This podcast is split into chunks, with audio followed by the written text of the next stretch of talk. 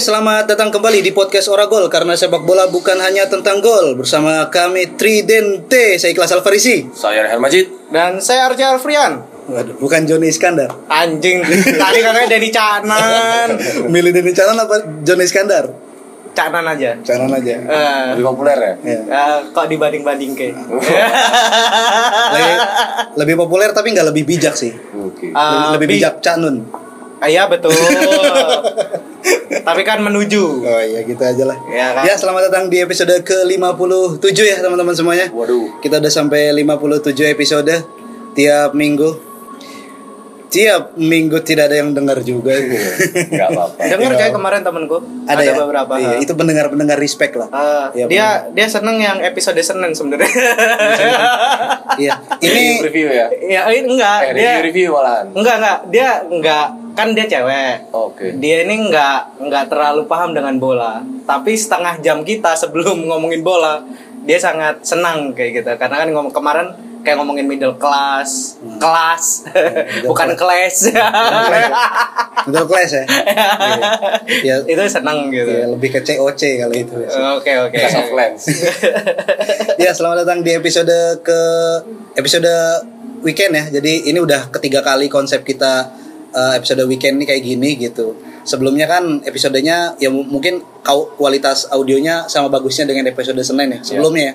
Tapi kualitas kontennya tidak baik gitu karena semalam langsung dua jam nih kita Iya, iya, capek rekaman. ya. Cuma ah, jadinya kita eh, setiap minggu itu akhirnya mengorbankan waktu untuk ya dat kumpul lah gitu dalam satu minggu itu dua kali gitu kan. Yes. Nah, ini udah kali ketiga kita ngopi di Indonesia sambil nongkrong-nongkrong juga dan di apa namanya di sambil juga rekaman podcast gitu ya. Yoi. Episode ke-57.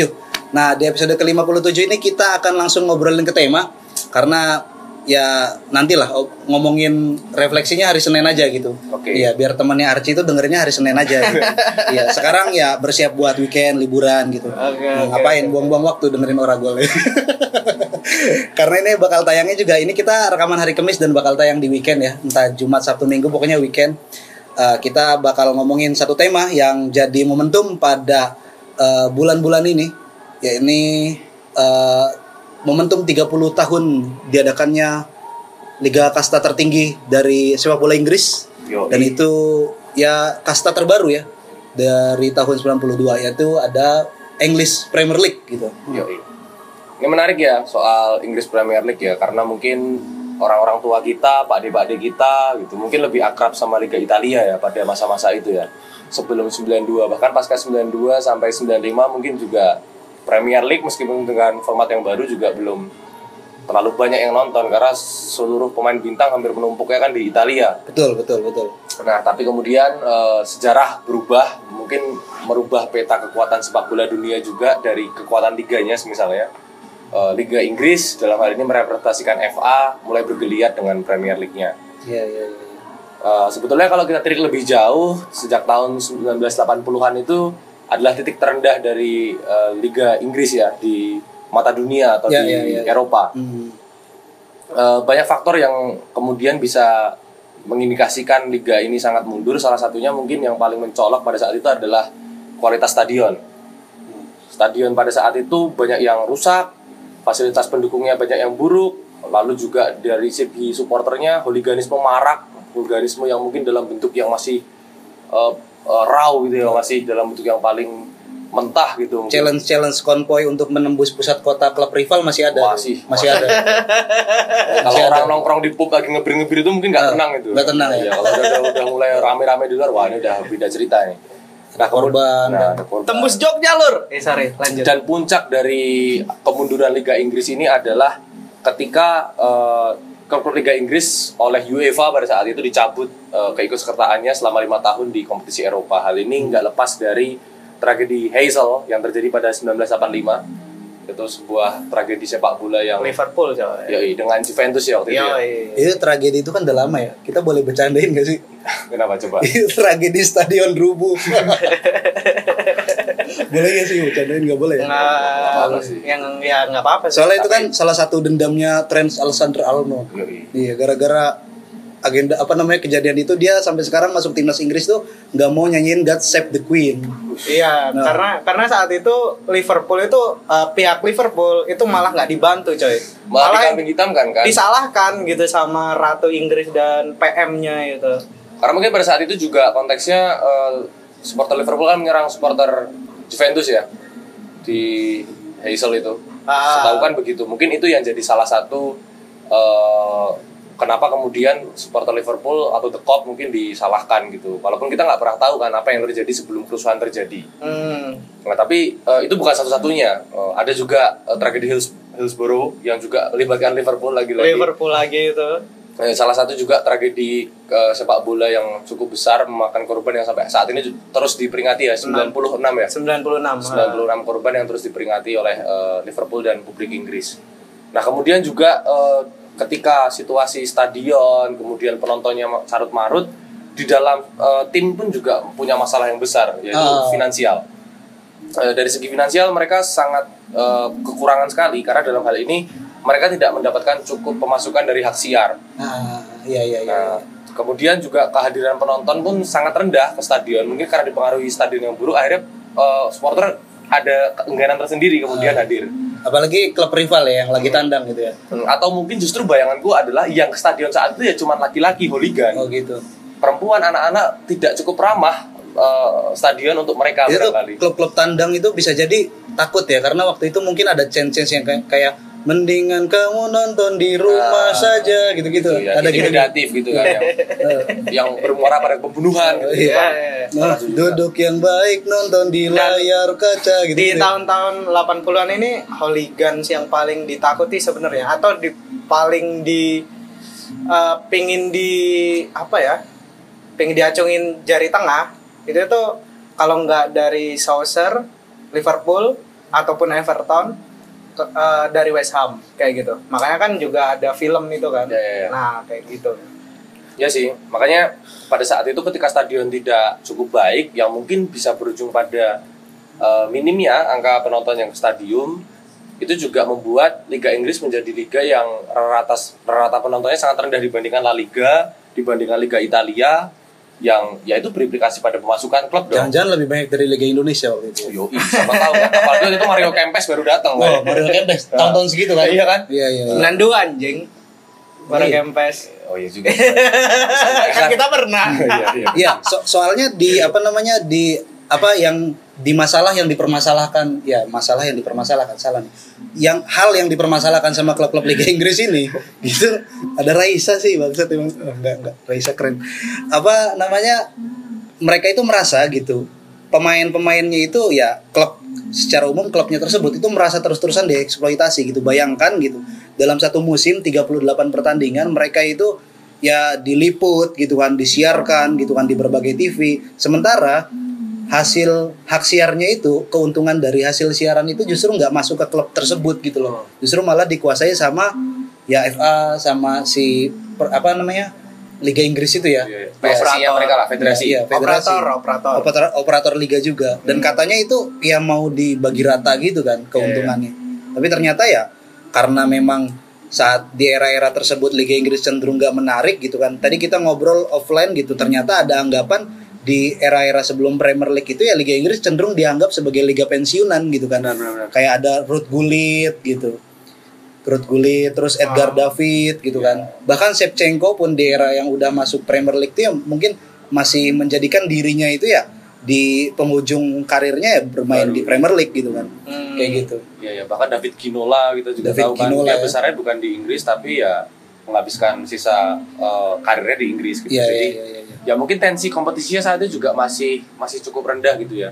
Nah di di lain sisi juga karena iklim kompetisi yang mungkin tidak cukup baik terus kemudian komersialisasinya juga eh, terkonsentrasi pada beberapa poin apa titik-titik saja banyak juga pemain Inggris yang kemudian main di luar gitu. Pemain-pemain besar Inggris yang main di luar gitu.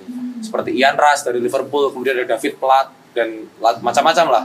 Itu kan mengindikasikan liga liga mereka tidak cukup menarik untuk bahkan pemain home ground aslinya pun main di situ ya banyak yang keluar akhirnya ke liga luar Inggris. Banyak TKI berarti ya nanti ya? Hmm, banyak banyak. Di zaman itu ya? Tenaga kerja Inggris. Iya, iya. benar. Iya iya. Tapi eh, seiring berjalannya waktu angin perubahan seperti sedang mengarah ke Inggris ya. Iya, iya. Hal ini ya bener kan ya. Bagus kalimatnya. Angin perubahan berhembus dari Iya. Italia ke Inggris gitu. Alumni Sorogan esai gitu. Wah, Jangan lupa yang mau daftar. Apaan sih anjing? Kenapa tiba-tiba promosi? Jadi ada ada satu momen ketika saat itu eh, seseorang bernama Greg Dyke, eh, salah satu orang penting di London Weekend Television (LWT) yang mengadakan pertemuan terbatas dengan lima klub sepak bola di Inggris. Li- kelima klub itu ada Manchester United, kemudian ada Liverpool, ada Tottenham, ada Everton dan juga ada Arsenal. Eh, dan di pertemuan ini tidak lain pembicaraannya adalah menginisiasi sebuah eh, liga baru yang saat itu diberi nama Liga Super gitu. Bukan Liga Jarum ya, Liga Super ini. Liga Super Inggris Yoi. gitu. LSI. Tapi sayangnya pada pertemuan ini Grand Dyke kalah dari pemenang tender yaitu Sky Sport dan BBC yang membeli Liga Super Inggris seharga 304 juta pound sterling selama lima tahun. Berarti Sky Sport ini media kaya memang. ya? Media kaya. Maksudku yang bel yang beli dan mengakuisisi sahamnya itu justru bukan dari perusahaan properti, Iya. iya. perusahaan tambang, Hmm, karena ini bank, sih Des. bank gitu kan. Tapi dari media gitu loh. Eh, karena gokil ya. karena ini kan sebenarnya tujuan dari adanya Liga Super ini kan pemerataan hak siar sebenarnya. Ya. Pemerataan pendapatan hak siar gitu kan. Hmm. Jadinya eh, ketika itu yang menjadi eh, karena poinnya itu yang masuk adalah media televisi dan Oke, iya, iya. dan koran dan lain Karena sebagainya gitu. konteksnya komersialisasi dan siaran ya. Eh, lebih ke hak siar kok kayak kayak tadi kita bilang ya kayak misal kenapa MU misal MU ketemu Aston Villa eh, kenapa kok jim- eh, jomplang banget gitu loh MU yang lebih dapat banyak Aston Villanya enggak gitu Ah. lalu eh, tim-tim di luar lima tim besar itu itu tuh eh, pendapatannya itu eh, berdasar malahan berdasar ketika mereka bertanding dengan tim lima besar itu kayak Everton Iya, eh, iya. lim- tim lima besar kan di tahun 80-an kan ada Everton, ada Spurs, Liverpool, MU sama satu City, lagi City. Arsenal. City. belum dong. City belum ya? Iya dong Mas kayak gitu. Waktu itu. Eh, dan di era itu di era itu perkembangan televisi kayak gitu kan itu mak- eh, mulai membesar kan kayak gitu. Mulai membesar dan eh, mencakup nilai juga bahwa oh iya sepak bola ini harus nggak hanya di Inggris atau hanya Eropa gitu loh. Jadi ini ingin mengembangkan. Jadi sesuai visi gitu. Yoi. Ya udah. Nah, ya tadi intermezzo ya, zaman segitu City belum masuk ke papan atas atau tim Iya. besar ya, karena Belum. belum, ada dana Arab ya. Chelsea juga belum. Arab masih fokus lah Iya. buat begini ya. Buat mempertahankan teritorinya. Eh, Chelsea juga belum. Ya, ya, Gitu. ya, ya, ya, Chelsea masih klub London inilah. Biasa. Iya, iya. Tapi lagu yang yang blue apa namanya ya lagunya mereka tuh se- Louis the color. Ya, itu udah lama ternyata ya. The game ya. ya udah lama ternyata ya lagu itu ya. Ya bagus lah itu. Pop banget lagunya lah. Nah, dan apa namanya dengan jelasnya sistem dan besaran modal atau pendapatan hak siar tayang yang hampir sama rata membuat klub-klub Liga Inggris ini mampu untuk mengubah Liga Inggris di tahun 9 1992. Yes, yes. Nah, itu jadi formatnya yang tadinya jadi apa namanya? English Prem- Premier League ya. Eh bukan English Premier League. First division. First Division akhirnya jadi English Premier League gitu kan. Hmm. Dimulai di tahun 1992 ini gitu kan. Nah, di di era di mana apa namanya format baru ini dijalankan gitu kan kompetisi baru dijalankan itu kesepakatan hak siar dari Sky Sport dan BBC yang paling menguntungkan justru. Yes, yes. Nah, beda banget sama Liga Premier Indonesia. Kamu LPI. Iya, iya, iya. Iya.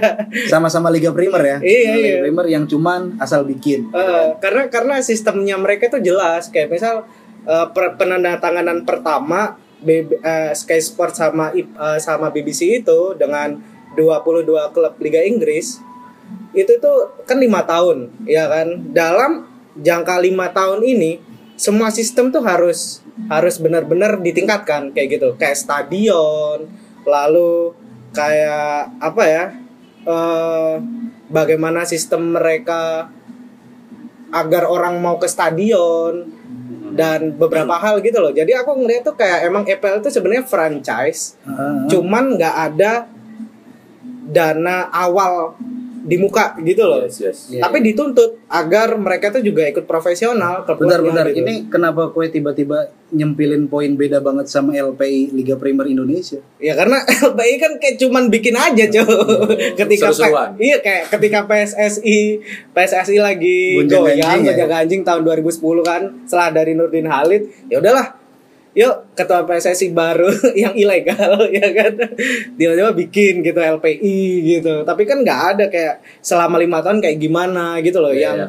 yang bagaimana itu bisa menarik tim lain kayak gitu loh Tapi kalau aku Kan bisa dari tim lain. Iya tapi kan itu bukan tim yang sebelumnya di ISL. Juaranya Semen Padang loh. Iya, iya. Tampil di FC Cup. Dan cuman berapa bulan sih? 6 bulan apa ya Itu Liga itu? waktunya Esteban Vizcarra masih gondrong. dia. Betul. tapi aku lihatnya juga sebetulnya eh, aku nggak tahu ya ini sebetulnya secara secara spesifik itu seperti apa tapi aku ngelihatnya The Football League ya yang yang yang format sebelum 92 itu kayak liga sendiri gitu dan ini kan seperti membentuk liga baru kan Iya, iya. The Premier League makanya kalau di Liga Inggris kita tahu di dalam satu kompetisi ada dua piala domestik satu FA Cup satu EFL English Football League Hmm. jadi ada satu trofi yang itu punya FA satu lagi punya EFL punya The Football League ini Hmm. Nah gitu. iya, jadi iya, jadi iya. kompetisi The Football League itu yang dulu First Division, uh, League One, League Two itu dulu punya piala sendiri, piala domestik sendiri juga, namanya EFL. Oh, gitu berarti FA sebagai federasi dia punya piala, terus ini liga ini Ah. Football League ini dia juga punya piala sendiri namanya. Eh atau jangan-jangan championship yang sekarang ada itu yang tempatnya Fulham dan Norwich naik teng- turun tenggelam itu Ah. itu justru apa first division yang dulu Iya iya, itu itu itu itu First Division yang dulu karena aku aku mengartikannya liga itu nggak bubar akhirnya, tapi dia dia kehilangan banyak banyak Tim. apa tim dan kemudian dia terintegrasi pada sistem yang baru. Makanya Hmm. pola pola degradasi dan promosinya nggak berubah, tapi kasta teratasnya jadi English Premier berarti League. naik ke atas gitu ya Iya, ya kayak kita membayangkan kalau gagasan Super League dari tim-tim Eropa kemarin jadi ya mungkin Liga Champions itu akan di bawah Super League barangkali seperti itu gitu. Karena ya tim-tim besarnya ada di kasta tertinggi gitu. Ah, dan dan nggak tahu ini nanti ngelompatin atau enggak ya tapi eh, IPL itu kan ya karena ada ah, kalau menurutku adalah sebenarnya liga franchise ya Heeh. makanya sampai sekarang pokoknya kalau ada tim yang selam dari tahun 1992 itu belum pernah terdegradasi itu mereka punya sa- eh, apa ya eh, persenan pen- persenan apa sih Eh, suara Oke. suara mayoritas kayak gitu Oke, oke. Gimana tuh penjelasannya itu? kayak kayak misal kalau misal uh, Liga Inggris mau punya aturan baru gitu misal kayak pergantian Oh, pemain berapa? Kayak sekarang kan dari pergantian tiga pemain dari lima Regulasi, regulasi. pemain. ah kayak Iya, gitu. iya. nah FA dan operator itu akan bilang kayak gitu. Nah kesepakatan itu nanti kebanyakan itu se- sebenarnya kan 20 tim gitu ya? Ada semacam hak veto ya? ya kayak gitu. kayak semacam hak veto gitu. Dan Hmm. itu termasuk kayak aturan sekarang yang lima pergantian pemain ya? Ah, dan itu disetujui oleh eh, eh, disetujui oleh eh, tim yang hak vetonya ya itu dari tahun 92 belum pernah degradasi kayak itu pas gitu. kumpul gitu kan terus mereka privilege-nya itu maksud gue. mereka sepakatin lima pergantian pemain tuh klub-klub kayak yang bawah-bawah tuh kayak Leeds gitu itu Iya, biar Ya, ya. manut lah Manut gitu. lah, iya. atur lah gitu. Iya. Wah, mau ganti 10 pemain juga ora signifikan loh permainan tuh. Gitu mungkin ya. Iya. Pusing gue. Jadi kepentingannya klub-klub kayak Liverpool ya, klub-klub yang sekarang mendominasi di papan atas gitu. Eh, Mungkin gitu kan. Saya kan tidak tahu gitu kan. Uh, Fabrizio Romano aja salah. Apalagi kita ya. Iya. Oke, uh, kita langsung masuk ke musim pertama di English Premier League. gitu kan. Jadi musim pertama ini yang dimainkan oleh tadi ya disebut tim-tim teratas itu langsung ya mengeluarkan juara pertama era baru gitu kan Eh. adalah Manchester United. Yo, Jadi ya, jadi ya gini ya. Manchester United itu pertama kali juara Premier League gitu kan. Betul. Jadi kalau misalnya ada orang yang bikin konten bola gitu kan, apalagi bahas Premier League, terus kesannya tuh bahas Manchester United, mulu bahas MU, mulu terus dikritik. Ah lu ngebahas MU mulu, ya emang harus dibahas gitu. Eh, karena foundingnya. Eh, founding. Termasuk founding Iya, gitu kan, betul. yang juara pertama kali gitu kan. Betul. Nggak ada MU, nggak ada Premier League. Gitu. Coba misalkan ya, what if gitu kan, what if ya. Gak ada Liverpool, Everton, Spurs, Arsenal juga gak ada EPL, Cok. Ada tetap. MU doang. Iya MU dan tim-tim elit yang kemudian ikuti MU. iya. Eh MU kalau misalkan nggak ikutan ikutan Premier League tetap di Football League itu yang bakal menarik tuh Ipswich Town Iya. gitu, Blackburn Rovers, Blackburn Brother. Rovers, Portsmouth, Newcastle. gitu. Enggak enggak beneran ini karena dia pertama kali juara di tahun 1992 itu bisa di jadi bahan pembelaannya fans MU lah gitu kan. Hmm. Nah, gelar pertama dalam 26 tahun gitu kan. Iya, kayak hampir kayak Liverpool kan yang Yoi, kemarin ya. yoi, mantap. Dan Hampir. jadi Iya. udah lama nggak juara nih. Eh, Duh, nggak juara. Gimana caranya, coy? Bikin liga sendiri. betul. yang yang yang jawab eh, fans MU langsung gitu. Tapi tapi kerennya ini gitu kan. Maksudnya selain dia juara gitu kan di tahun tersebut bisa jadi jadi pintu gerbang MU memasuki eh, era kemasannya karena di tahun tersebut itu lahir gitu kan eh, satu angkatan yang kemudian disebut sebagai Class of 92 gitu kan. Nah, teman-teman mungkin tahu lah gitu kan Class of 92 juga ada filmnya juga kan itu kan eh, apa tokoh-tokohnya sekarang ya sudah melalang buana juga gitu Iya, kan. iya. Berdiaspora di ruangnya masing-masing kan. Ada Gary Neville, Jadi pundit, Ryan Ryan Giggs, jadi pelatih. pelakor, Paul Scholes, Paul Scholes, Nicky Butt, Kate Gillespie, David Beckham, banyak lah gitu kan. Ya, ya. Nah, MU 92 ini masih menghargai pemain-pemain akademi dengan filosofi pemain yang kamu ciptakan akan lebih baik daripada pemain yang kamu beli. Nah, Archie ini iseng nih, nambahin kini bagaimana? Kasih tahuan, kasih tahuan. Oke, jadi gini Ci. Kalau kita merunut kembali ya, jadi dulu tuh aku lupa ya. Jadi MU itu bukan bukan Carrington dulu tempat latihannya. Hmm. Aku lupa nama camp latihan MU dulu yang lama dan itu adalah tempat Pamekasan bukan? bukan. Pamekasan. Madura United. Ini mungkin a- a- a- ya mungkin eh, akhirnya ketika bahas ini ya sedikit banyak bahas sejarah MU juga dong. Iya Iya, lah, pasti pasti MU. lah. King MU kan. Eh, King Jadi- Cantona. Pada saat itu ketika performa Manchester United tidak kunjung membaik, hadir seorang pelatih yang namanya eh, Sir Alex Ferguson gitu kan. Seorang pelatih yang kemudian eh, membawa MU ke era kemasannya dan salah satu eh, apa namanya titik-titik eh, checkpointnya itu selain mendatangkan Eric Cantona, itu mereka juga memproduksi satu generasi yang brilian namanya The Class of 92 ya. Pemain-pemain akademi bahkan eh, Alex Ferguson pada saat itu sangat menekankan bagaimana tim scouting mereka harus mampu mendapatkan pemain-pemain yang bertalenta. Salah satunya Ryan Giggs yang dibajak dari akademi Manchester City. Hmm. Kemudian tergabung di Manchester United. Iya, Ryan sih ya. Iya. Iya, Ryan dari City ya. Dia dari City, Ah. tapi Iya, kemudian kelihatan orang kayanya memang. kemudian besar dan bersinarnya bersama MU. Nah, kalau aku sih ngelihatnya ya kalau tadi ditanya sama Archie ya, gini bagaimana ya? Mungkin sepak bola berubah sih ya. Aduh. Sejak 92 sampai sekarang kan udah sangat jauh ya. Mungkin Iya, pada saat iya, itu uh, enggak enggak, so, aku potong bentar ya. Maksudnya filosofi itu gimana? Filosofinya ini nih, ya kan? Ada Zidane Iqbal. Pemain yang kamu ciptakan akan lebih baik daripada pemain yang kamu beli. Sekarang ada nggak sih? McTominay aja di Ronaldo, Ronaldo. kan bukan akademi Ronaldo, Beli bos. ya. Beli Beli ya. dong. Zidane Iqbal. Belum dong. Bagusan sana sama Iqbal Ramadan. waduh. Karena yang sekarang di starting line up MU yang dari dari akademi kan McTominay kan. Ya, ya. Kan kemarin diludahi kemarin di Rashford? Oke oke sama aja diludahi kemarin di Ya, pertama. ya mungkin uh, problemnya adalah kalau fil- berbicara soal filosofi itu berbicara soal integrasi visi permainan ya. Eh, Ya mungkin saat itu Sir Alex Ferguson cukup memiliki kemampuan yang apa ya mantap dan punya apa sih namanya pengaruh yang besar di klub sehingga mampu mengintegrasikan dari tingkatan junior sampai senior ya sehingga dia Hmm. tahu pemain-pemain yang dia butuhkan di senior tuh yang gimana dari junior. Dan pasca itu kan aku ngeliat banyak pelatih dari MU justru nggak cukup mampu untuk mengambil pemain-pemain dari akademi dan diintegrasikan di cara bermainnya gitu loh. Walaupun meskipun nggak bisa kita bohongi ya pasca Sir Alex tiap eh, pelatih MU pasti ngambil pemain akademi lah. Jose Mourinho misalnya dia ngorbitin eh, Deco, Deco. eh, Deco. bukan di MU maksudnya Oh, di MU. Eh, dia ngambil Lingard, Lingard. ya Lingard terus kemudian sekarang Elanga kayaknya. Pogba, ya, Pogba. eh, Pogba kan dibeli dari Juventus Kan akademi. Iya. akademi dibeli lagi. Van Hal Masukin pesantren ini. Juventus. Turin. Turin. Van Hal ngorbitin Rashford gitu gitu ya kalau kita berbicara soal eh, filosofi ya tak pikir ya udah sangat berubah tapi ya this is football bro. Lalu eh, ini ini eh, EPL 1992 itu juga memperkenalkan Eric Cantona sebagai raja di Old Trafford kayak gitu. View lagi. MU lagi. Karena di musim perdananya bersama MU itu Cantona cetak 15 gol dan jadi top assist dengan 16 umpan cantik.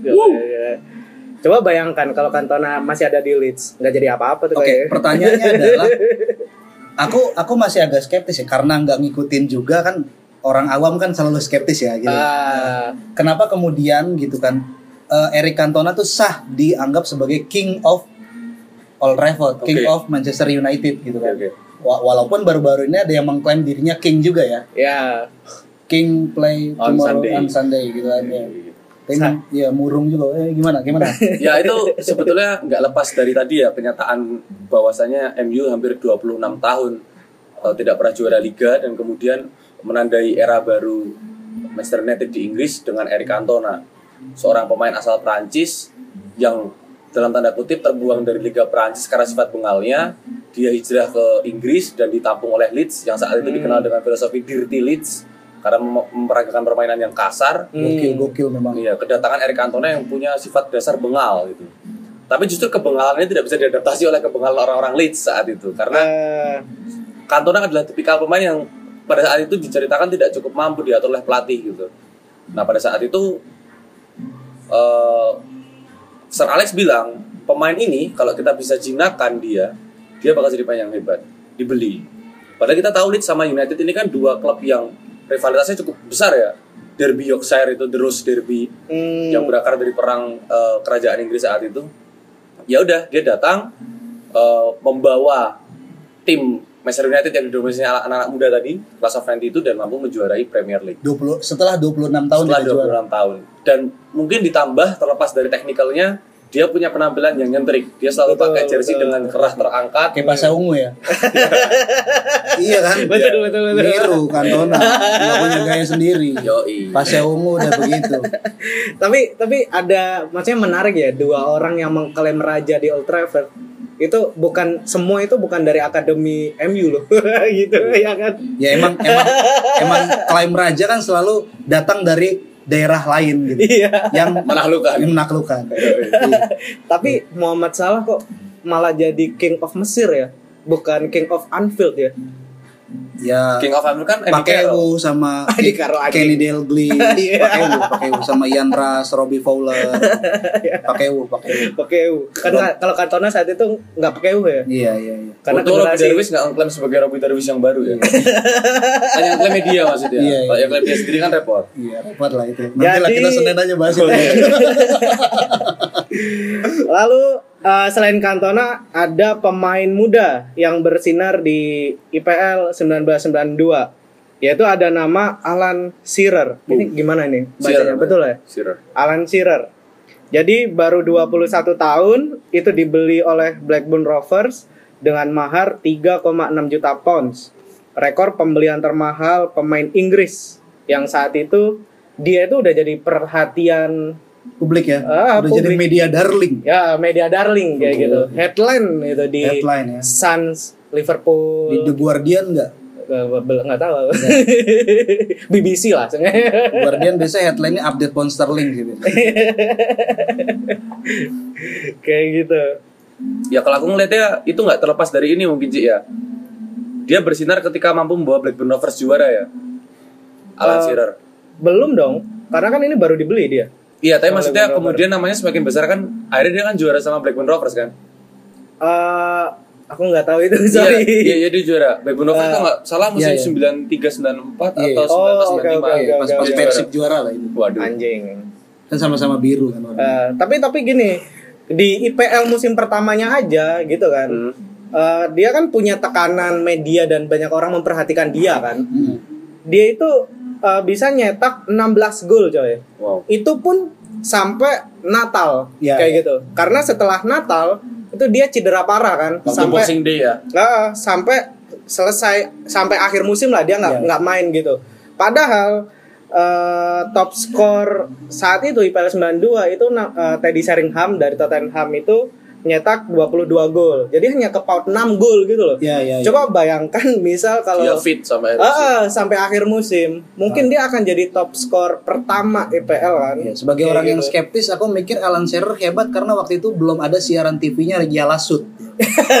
Kenapa saya Nah, kan sel- seluruh dunia belum benar-benar memperhatikan memperhatikan Premier League kan. enggak, enggak maksudnya Ah, seenggaknya ah. kan orang Inggris udah merhatikan dia, tekanan Iya. kan udah ada kayak Enggak, gitu. Ya tekanan orang Inggris mah ya bacot doang gitu. kan. belum sampai ada yang nge-DM DM, oh iya iya," gitu-gitu belum ada. Betul. Makanya kan pertanyaan apa Surat kaleng mungkin surat kaleng. Ah, pertanyaannya Rehan di episode kemarin relevan. Apa susahnya sih jadi pemain United? Susah goblok. Gitu. Iya gitu betul susah. susah tekanannya dari Mumbai pun ikut-ikutan gitu. Eh, ini nih lalu ada lagi tuh Ryan Giggs Ah. yang saat itu 19 tahun bukan dia- Rian Demasif ya bukan dong. Lalu dia ngeraih penghargaan The Young Player of the Year gitu. Dan dia pionir dari kelas MU kelas kelas apa kelas oh ya kelas sorry sorry sorry gara-gara Faris kemarin. Barbarian. Barbarian, Jadi Archer. Raider. ini gerbong eh, pionir Iya. dari MU kelas 92 untuk meraih prestasi-prestasi selanjutnya kayak gitu. Oke. Ya sebenarnya kalau misalnya kita mau ingat-ingat ya nggak ada yang bisa diingat kan belum lahir juga kan. Ya. Belum lahir. Cuman kan karena apa ya hari ini tuh Premier League jadi apa ya pusat sepak bola dunia lah katakanlah ya talenta-talenta terbaik di dunia itu ya selalu kemudian di apa namanya di puncak karirnya itu pasti mendaratnya di klub-klub Premier League gitu kan. Hmm. Akhirnya ketika kita tahu Premier League itu sebegitu megahnya hari ini ya kita akhirnya pengen nyari tahu tuh Premier League tuh bagaimana sih ya ternyata latar belakangnya begitu nggak nggak tiba-tiba gede sebagai pertunjukan sepak bola gitu ya ada ada Hmm. ada ada ada ada masanya ada prosesnya Ada gitu. blueprint yang jelas ada lah. blueprint yang jelas Ah, gitu kan iya, iya. Eh, nah eh ya itu daftar juaranya bisa lihat aja di Wikipedia lah Ya, Ah. kita iya Ada sih aku Banyak ya? nyatet sih. apa Oh daftar juara. Iya Oh, daftar nggak. juaranya lihat di Wikipedia gitu. Serba serbi aja sih. aku. serba serbi iya maksudku adalah ya kalau kalian mau nyari Liverpool itu jangan searching Premier League ya tapi Eh. ya Liga Inggris gitu. Liga Inggris gitu. Iya, bahasa Indonesia. Apalagi nyari Tottenham gitu. Hotspur Hotspur orang gol orang gol nge-repost video keren banget kan. Ayo kita belajar alfabet gitu kan. A B C. Giliran T Hotspur Hotspur Asik, giliran giliran huruf M apa Martial is the best player in the world Martial aja ngegas banget Martial. ada fans aja. Martial. Nah ini kita masuk ke apa serba-serbinya Premier League ya karena kayaknya ya apa namanya sebagai usaha untuk menandingi liga-liga di negara lain kayak Italia, kayak Spanyol dan Prancis tentunya ya apa peran media itu sangat penting gitu kan menciptakan berbagai macam istilah. Salah satu istilah yang sangat populer adalah muncul istilah the Big Four gitu Betul. kan. Untuk semacam kayak apa ya? Oke, liga ini boleh ada klub yang mendominasi, tapi jangan cuma satu dong. Atau jangan cuma dua kayak Barcelona dan Real Madrid gitu. Kan. Harus ada gitu kan. Kayak misalkan La Liga kan sebenarnya kan Valencia, Sevilla dan klub-klub lainnya kan mampu bersaing, Hmm. tapi nggak pernah diakui itu yang diakui selalu El Clasico. Nah, di Liga Inggris ini ada the Big Four gitu kan sebagai apa ya, semacam eh Istilah. kelompok iya, istilah yang yang kemudian merujuk kepada satu kelompok klub-klub yang yang cukup mendominasi selama era Premier League gitu kan. Nah, the Big Hmm. Four ini ada Arsenal, Chelsea, Liverpool dan Manchester United gitu. kan. Yoi. Nah, nggak tahu kenapa Chelsea bisa masuk ya, padahal Chelsea kan baru awal 2000-an ya. Gitu kan. Eh, kalau aku pikir tuh gini Riz sebenarnya EPL itu terbagi dalam tiga periode gitu Oke. kan. Ja- da- eh, dari periode 90-an, 2000-an awal sama 2010 eh, 2010 awal gitu. Iya. Ah, 2010-an kayak gitu lah kita bilang kayak gitu kan. Nah, berarti sekarang era baru ya. Iya era baru, era paling baru mungkin Era- era atau baru. kejayaan Hmm. kayak gini. Eh, di tahun 90-an eh, EPL itu masih merangkak menurutku. Masih sebenarnya juga masih kalah. Masih merintis ya. Iya. Kayak channel YouTube kan masih ya. Iya. Iya kan masih. Masih butuh support lah ya. Iya. Eh, dan dan dia masih kalah sama Liga Spanyol, sama Serie A Iya, kayak iya. gitu. Lalu tahun 2000-an, nah ini mulai mulai eh, pionir-pionir dari IPL itu mulai naik kayak gitu. Arsenal, Liverpool, Kayak- MU, kayak gitu. kayak dan Chelsea baru di- dibeli divi- gitu. divisi medianya Premier League tuh era 90-an tuh selalu kayak template gitu kan. Don't forget like, comment and subscribe gitu. kan. Kalau kalau udah sekarang mah tidak perlu. Nggak perlu. Orang akan follow sendiri gitu. Eh, jadi tahun 90-an itu kan nggak ada istilah empat besar tuh. Iya iya. Karena emang sangat sangat masih kompetisinya tuh sangat apa ya? Cair ya, cair ya. Cair banget gitu Ya Blackburn aja bisa juara. Nah, Blackburn bisa juara kayak gitu. Langsung walaupun dominasi MU itu sangat kentara gitu. Eh, tapi yang tiga tim atau lima tim kayak misal Everton, Spurs itu naik turun juga gitu loh. Hmm. Jadi eh, belum ada hal yang menarik saat itu.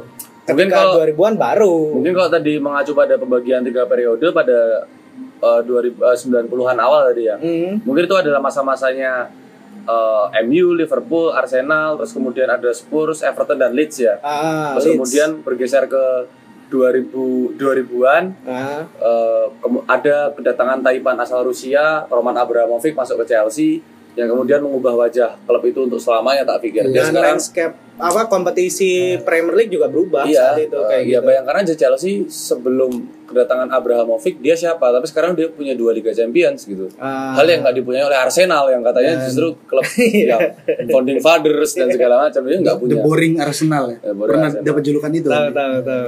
Ya seperti itulah. Karena hanya proses nggak progres.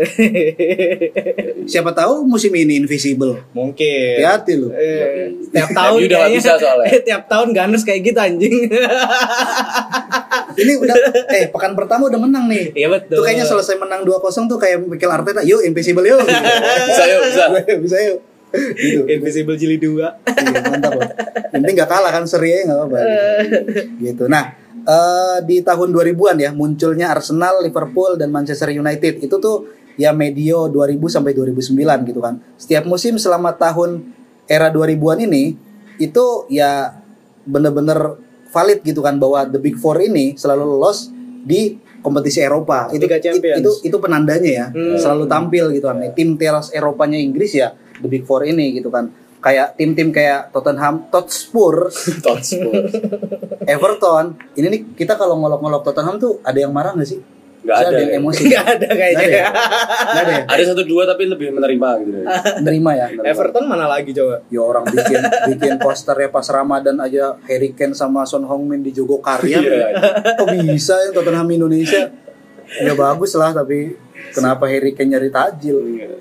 Nah, di tahun-tahun setelah 2009 gitu kan eh, menandai perubahan dalam struktur empat besar yang ada di Premier League dengan masuknya Tottenham Hotspur. Hey, Tottenham Hotspur. Iya, Dan klub kecamatan sebelahnya Manchester United, ada Manchester City Yo, yang dianggap klub-klubnya orang orang kelas menengah gitu kan. Iya, iya. Nah, itu Tottenham Spurs dan City ini keduanya masuk ke dalam empat besar teratas secara teratur. Tapi karena tim-tim yang lagi bobrok saat itu nggak mau keluar dari empat besar, akhirnya istilah itu berkembang. Iya, iya, Keren iya. sekali. Status quo-nya dijaga ya. Status quo-nya dijaga dari empat besar menjadi enam besar, the big six, yo, Big yang, Six. yang sekarang mulai populer gitu kan. Eh, Nah nggak tahu nih nanti katanya ada the big seven karena Newcastle. uh, Newcastle OTW Iya, kan potensi, kan. potensi, Nah, kayak gitu. OTW kan potensi ya Eh, nah, Tottenham dulu lah kasih juara. Nah, terus Manchester City ini kan karena pergolakan di dunia Arab sudah selesai kayaknya sudah stabil ditemukan banyak tambang-tambang cadangan minyak Ya, gitu kan ya, ya. kemudian berhasil dikapitalisasi menjadi keuntungan yang berlipat ganda keuntungan-keuntungan tersebut nggak mungkin dong buat nyawer-nyawer biduan terus ya kan anjing video banyak video-videonya kan Yoi. segala pada video gitu kan Tarik perut, tarik perut. nggak tahu aku kalau itu ya itu parah itu.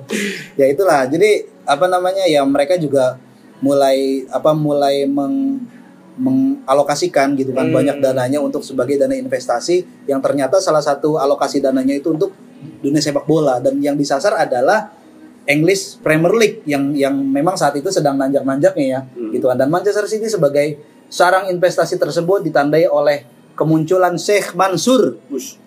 uang dari mana Bukan yang itu.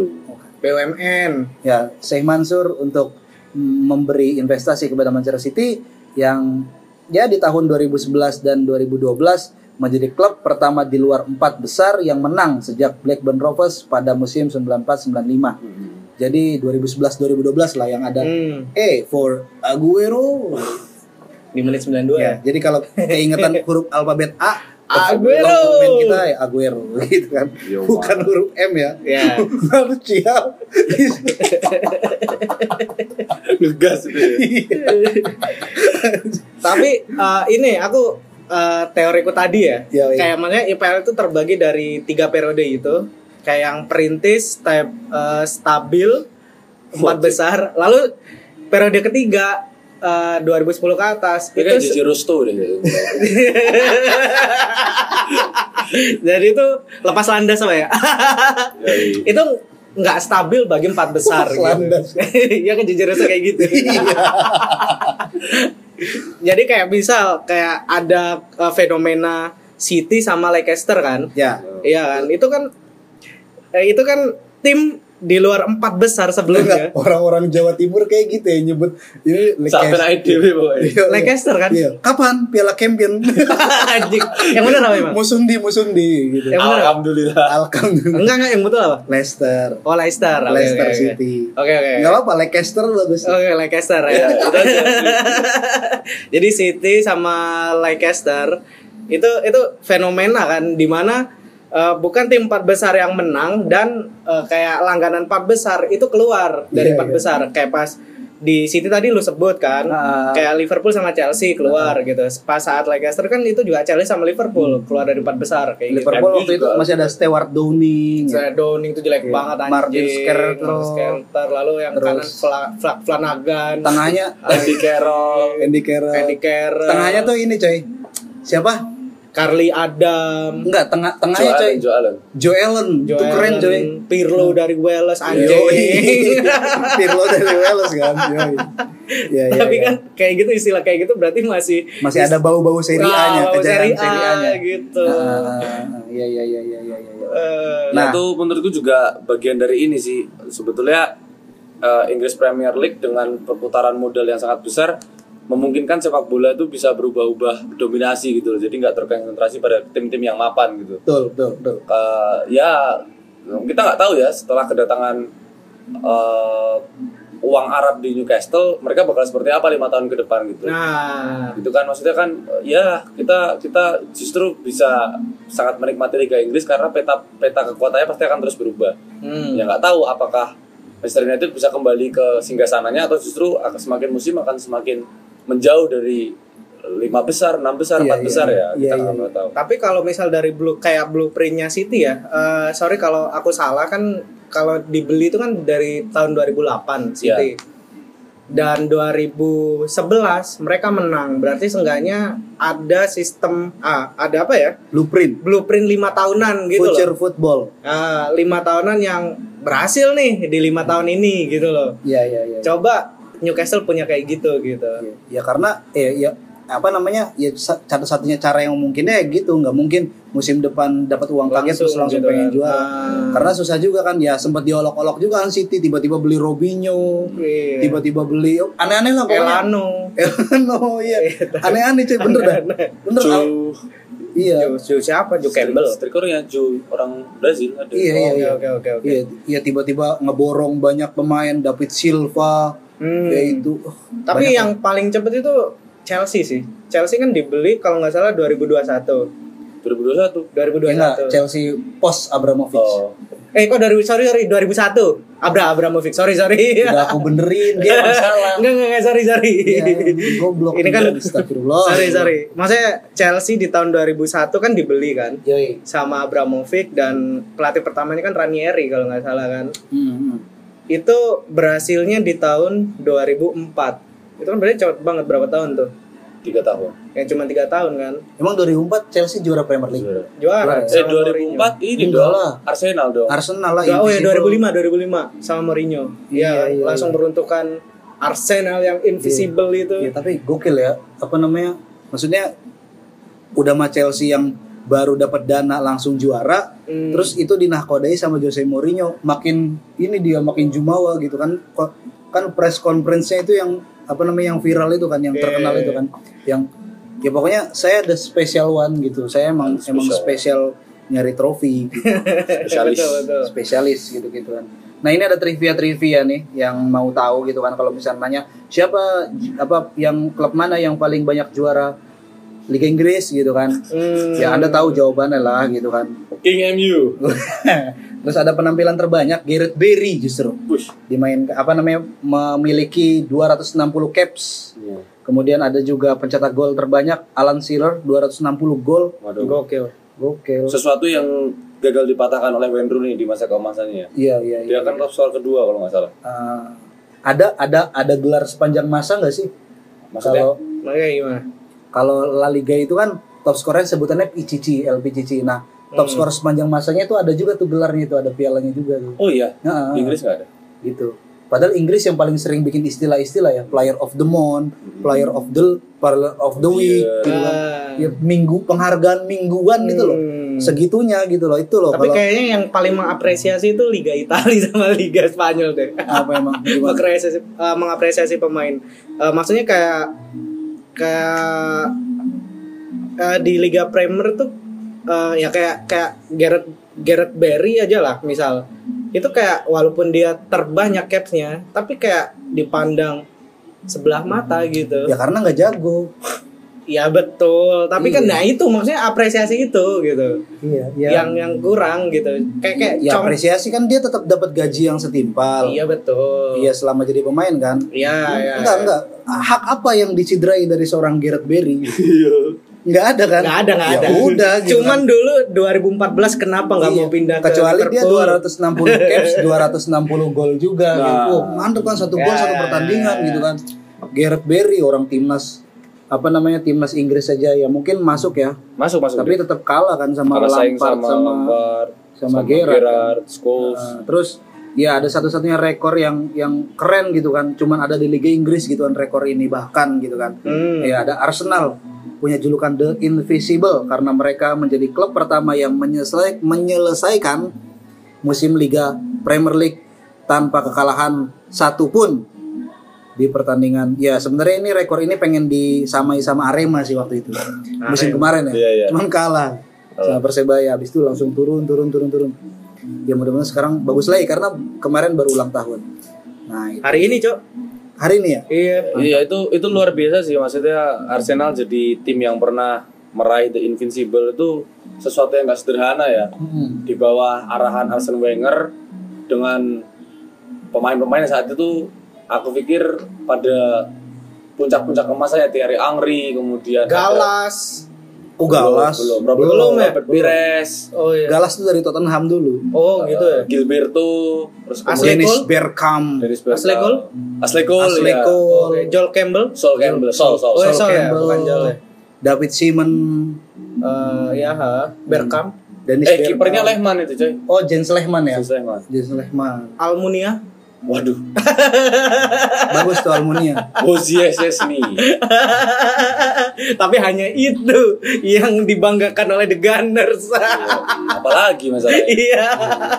masa mau apa namanya Ya. mau banggain Bakari Saknya atau ini Gervinho Gervinho. Tapi ada satu random transfer sih yang- Alexong Alexong Enggak, tapi aku pernah pernah menemui satu random transfer yang pernah dilakukan sama Barcelona beli Alex Song. Dari Arsenal. Anjing anjing. Kar- karena kan dia butuh pelapis, coy. Ya kan. sama kayak waktu itu Real Madrid pernah beli Thomas Gravesen itu juga aneh itu. Graveson. Julian Faber. Yang main yang main di Mitra Kukar. Bagus deh bagus Julian Faber. Kolker ke Liverpool, back jadi striker. siapa? Kolker dari Tottenham, oh iya iya. Anjing nggak tahu ya kalian ya. tahu tahu aku. Nggak tahu sih aku. Itu transfer aneh juga tuh di tapi nggak tahu kalau dia jadi striker Nah, ya kan sebenarnya back kan Iya. di top Erik Jemba Jemba. Aneh nggak ke MU tiba-tiba main piala gu, piala Bupati Magelang. Dia pernah main. Eric Jemba Jemba. Ya itulah ya eh, trivia dan cerita-ceritanya soal Premier League yang sudah 30 tahun. Yes. Eh, sampai jumpa di episode selanjutnya lah. Kita pengen ngopi dulu abis ini. Yuk ciao Bella. Dadah